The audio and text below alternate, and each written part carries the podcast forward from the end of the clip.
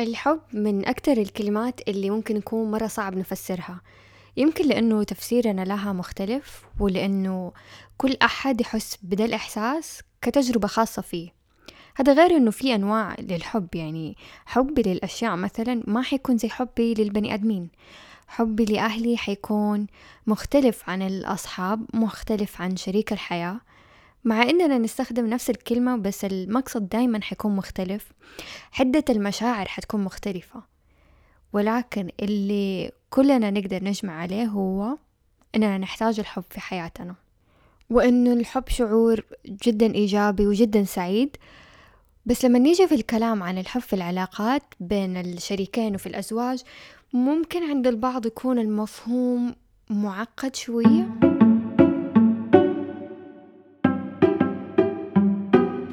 يا أهلا وسهلا. معكم نوف وزير ودي حلقة جديدة من بودكاست علاقات مية واحد. أعتقد أن لسنوات طويلة الزواج كان بطريقة معينة كان بطريقة تقليدية مرة ومغلقة لدرجة أنه الاثنين ممكن ما يشوفوا بعض ما يجلسوا مع بعض ولا يتكلموا إلين ما يتزوجوا. وكان اللي اللي مشيهم فكرة أنه الحب حيجي بعد الزواج. بعدها جت الأجيال اللي بعدهم حسوا إنه ده الموضوع بعيد كل البعد عن الرومانسية والحب والأشياء اللي بيشوفوها قدامهم في الأفلام فرفضوا ده النوع من الزواج وراحوا باندفاع للطريقة التانية. المدرسة الرومانسية في الحياة واللي بتعزز لفكرة إنه إحنا نحب بعض من أول نظرة ونفهم بعض من عيوننا وإحنا ممكن ولازم نكون توأم روح لبعض. بس هذه الأشياء تكلمت عنها مرة كثير في الحلقة رقم عشرة حلقة توأم الروح. في دي الحلقة اللي نبغى نتكلم عليه هو نوجد تعريف صغير للحب نوجد تعريف للمنطقة اللي يكون فيها حب وفيها وعي وفيها واقعية وأبغى كمان نتكلم عن ليش أحيانا رغم أنه الاثنين بيحبوا بعض في اختلاف في التعبير أو اللي نقدر نقول عليه اختلاف في لغة الحب. طب نرجع للأساس. إحنا أساسا كيف تعرفنا عن الحب؟ الحب اللي إحنا نعرفه ونتصوره ونبغاه من كل الناس هو الحب اللي كان يوصلنا من الأهالي والمربيين وإحنا نكبر. المربيين كانوا يغمرونا بالحب ومن غير ما يتوقعوا حاجة في المقابل كأطفال وجودنا في حياتهم يمكن كان كافي لهم. حبهم لنا كان غير محدود وغير مشروط وكانوا يفهموا علينا ويتوقعوا ويتفهموا إنه إحنا ليش أخلاقنا ضيقة دحين ويطلعوا أكثر من سبب. يمكن ولد البيبي هذا عنده غازات عشان كده قاعد يبكي يمكن أسنانه قاعدة تطلع. طب خلاص سيبوه لحد يلمس وينكد عليه. في حاجة هنا صارت. تعريفنا عن الحب تكون وتكون من اللي شفناه وعشناه وإحنا أطفال. من اللي عشناه من التجربة اللي قبل شوية قلتها وبرضو من اللي شفناه في عائلتنا من الحب والإحتواء والإحترام. وبنفس الوقت ما تعلمنا أو ما كان مطلوب مننا وما كان متوقع مننا إنه إحنا نقدم الحب. فمثلا وإحنا وإحنا صغار وأهالينا يعطونا كل الحب هذا ما كان واجب علي ولا متوقع مني إني أعطيهم شيء في المقابل. إني أسأل أهلي كيف كان يومكم؟ كيف الدوام؟ إن شاء الله كان كان كويس وما كان تقيل عليكم. بس اللي صار إنه أعطونا صورة إنه كل حاجة كويسة كل حاجة تمام. هم موجودين عشاني وهم حيتفهموا كل حاجة وهم مو ما هم متوقعين أي حاجة مني. فلما نتحول لناس بالغة ما نعرف إنه إحنا نحمل التصور هذا عن الحب إلين ما نكون في علاقة ونبدأ نبدأ نتوقع من التاني نفس الحب اللي كان يجينا من المربيين.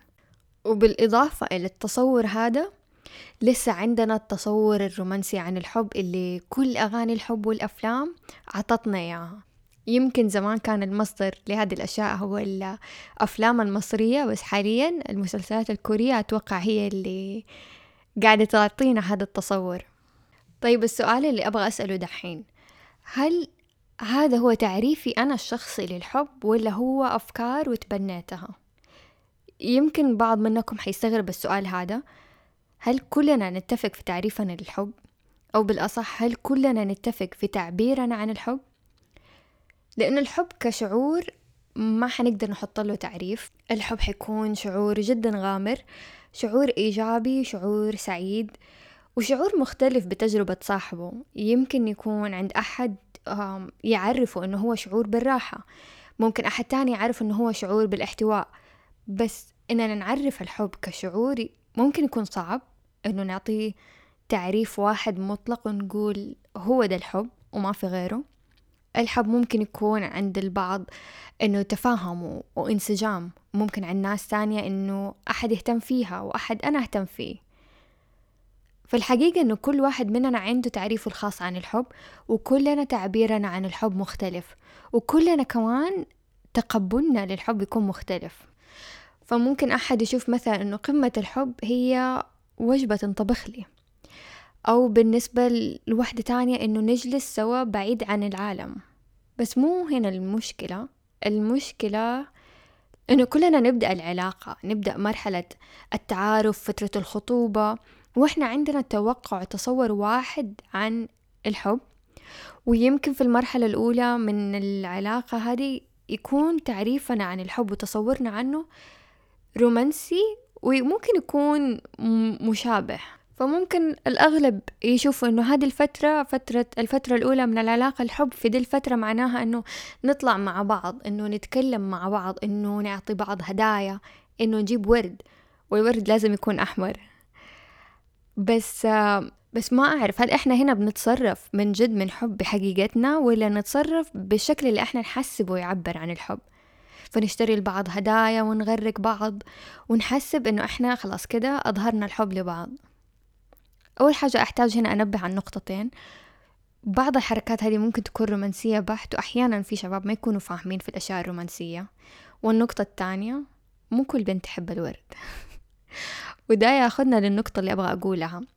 كلنا عندنا لغات معينة للحب وكلنا عندنا تعبير معين عن الحب.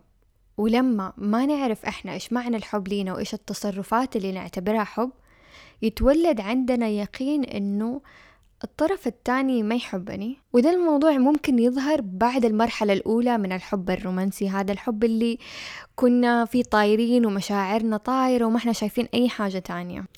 وأحيانا الصراحة أحس إنه دي الفترة إحنا بنحسب إنه إحنا نحب أو بنتحب.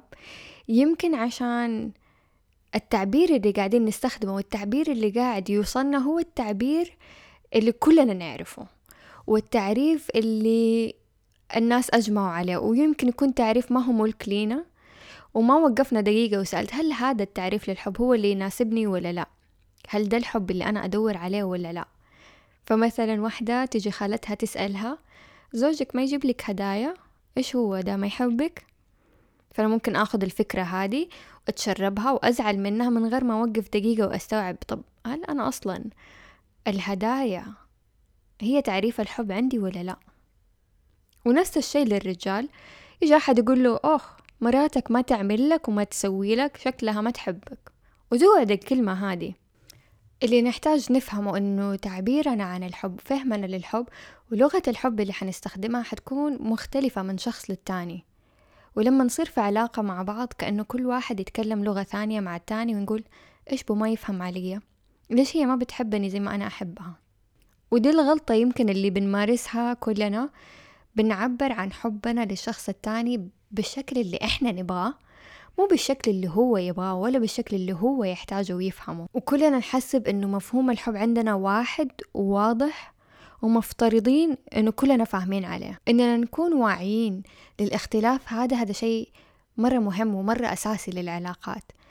لأنه مرة سهل إننا نلاقي الحب وسهل إنه مشاعرنا تتدغدغ وسهل إننا نعيش اللحظات الرومانسية هذه. بس الصعب إنه الحب هذا يستمر والصعب إنه نحافظ عليه. ما هو صعب بس يحتاج مننا شغل وجهد.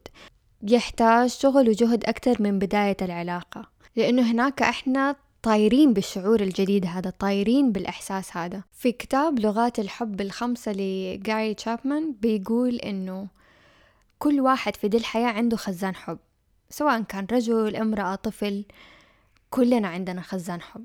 وده الخزان لما يكون مليان حنعيش حياة جميلة وسعيدة. ولما يكون فاضي حنعيش حياة كئيبة وتعيسة. ولما الخزان هذا يتعبى حنلاقي الحب.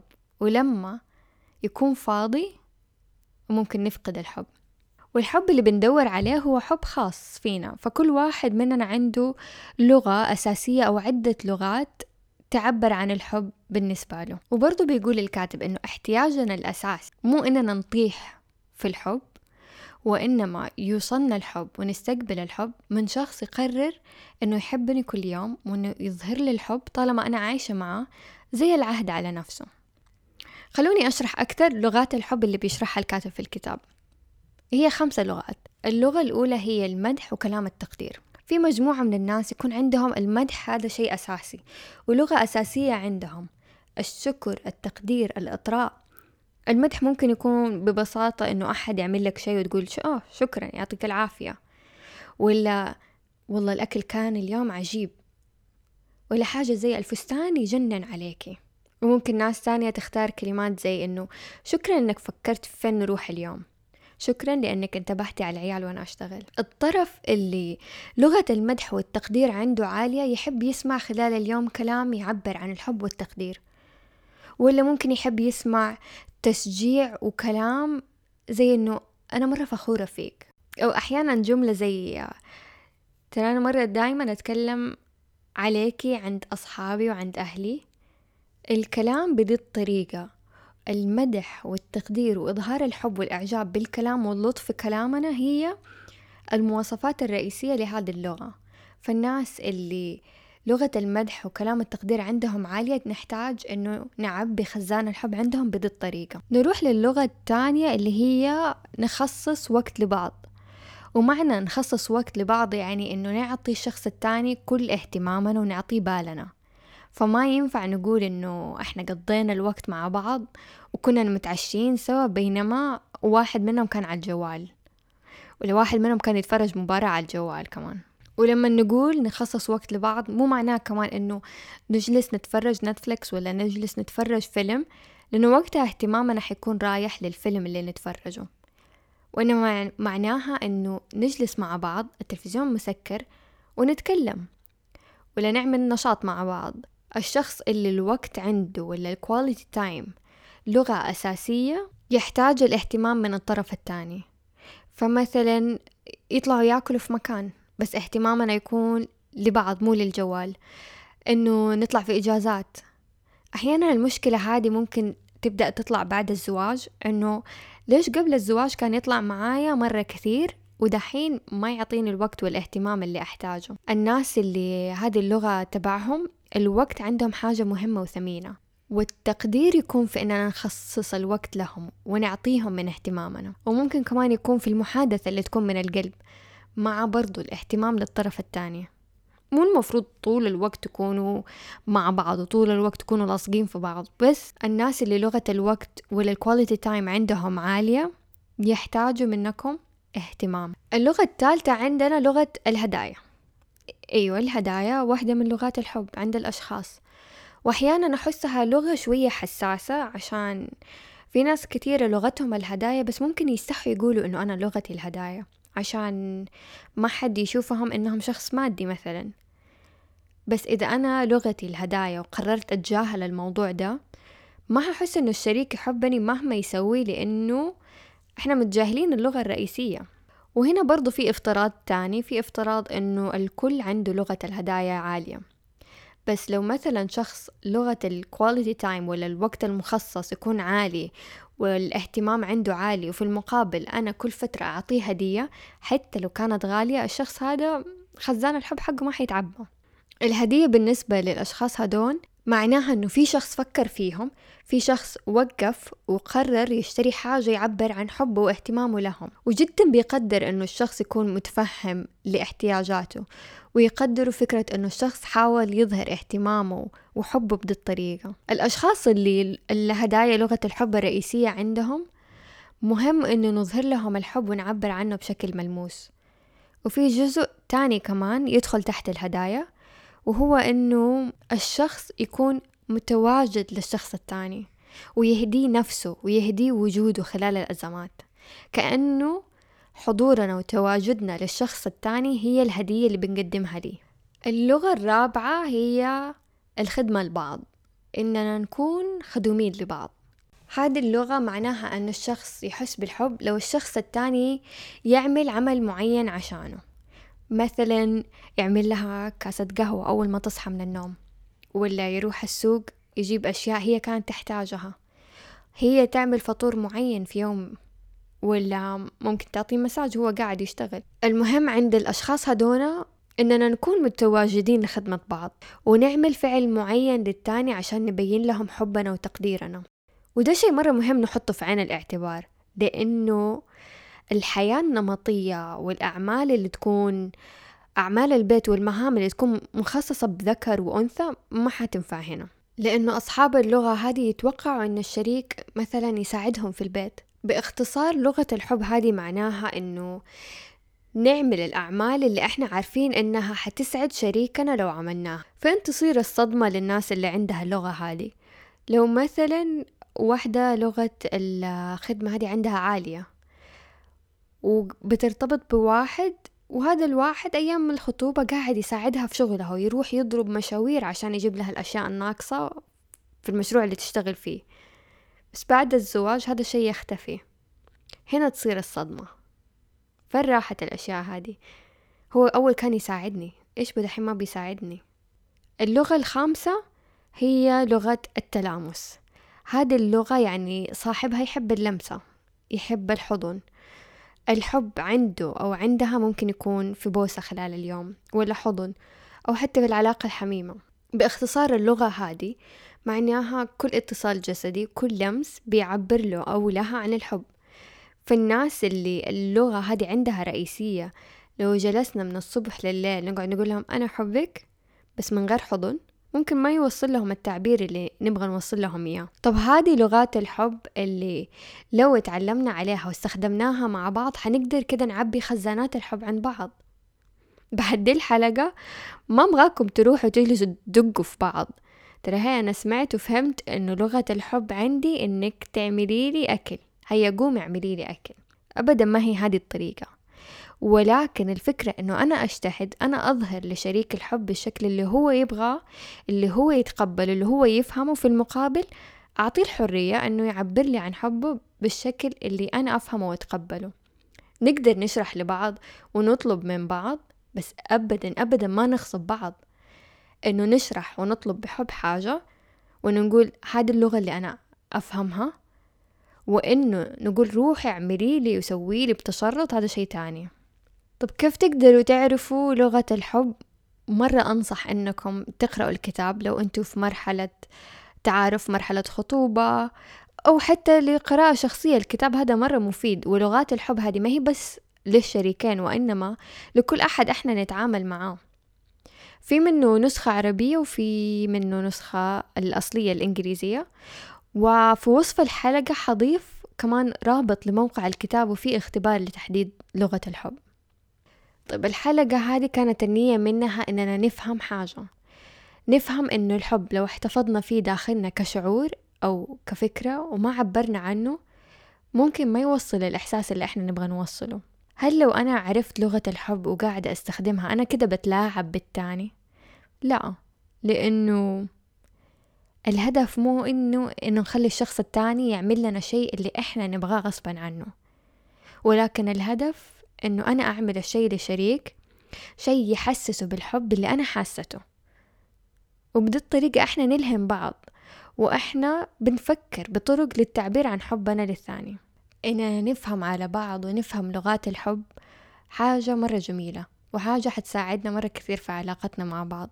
أتمنى أن كل واحد منكم بعد ما يسمع الحلقة يقرأ الكتاب يعمل الاختبارات يفهم عن نفسه أكثر ويفهم عن شريكه. طيب مرة شكرا لكل أحد يسمع ويدعم البرنامج ولين ما ألقاكم في الربوع الجاي انشروا شوية حب ودعم لينا. انشروا البودكاست على كل الجروبات. تواصلوا معانا على ال social media قيموا الحلقات اللي فاتت وتقدروا دحين تدعمونا على صفحة البرنامج على باتريون وتعزمونا على قهوة. دعمكم حيساعدنا نغطي تكاليف الإنتاج ونستمر في الحلقات إلى ما لا نهاية.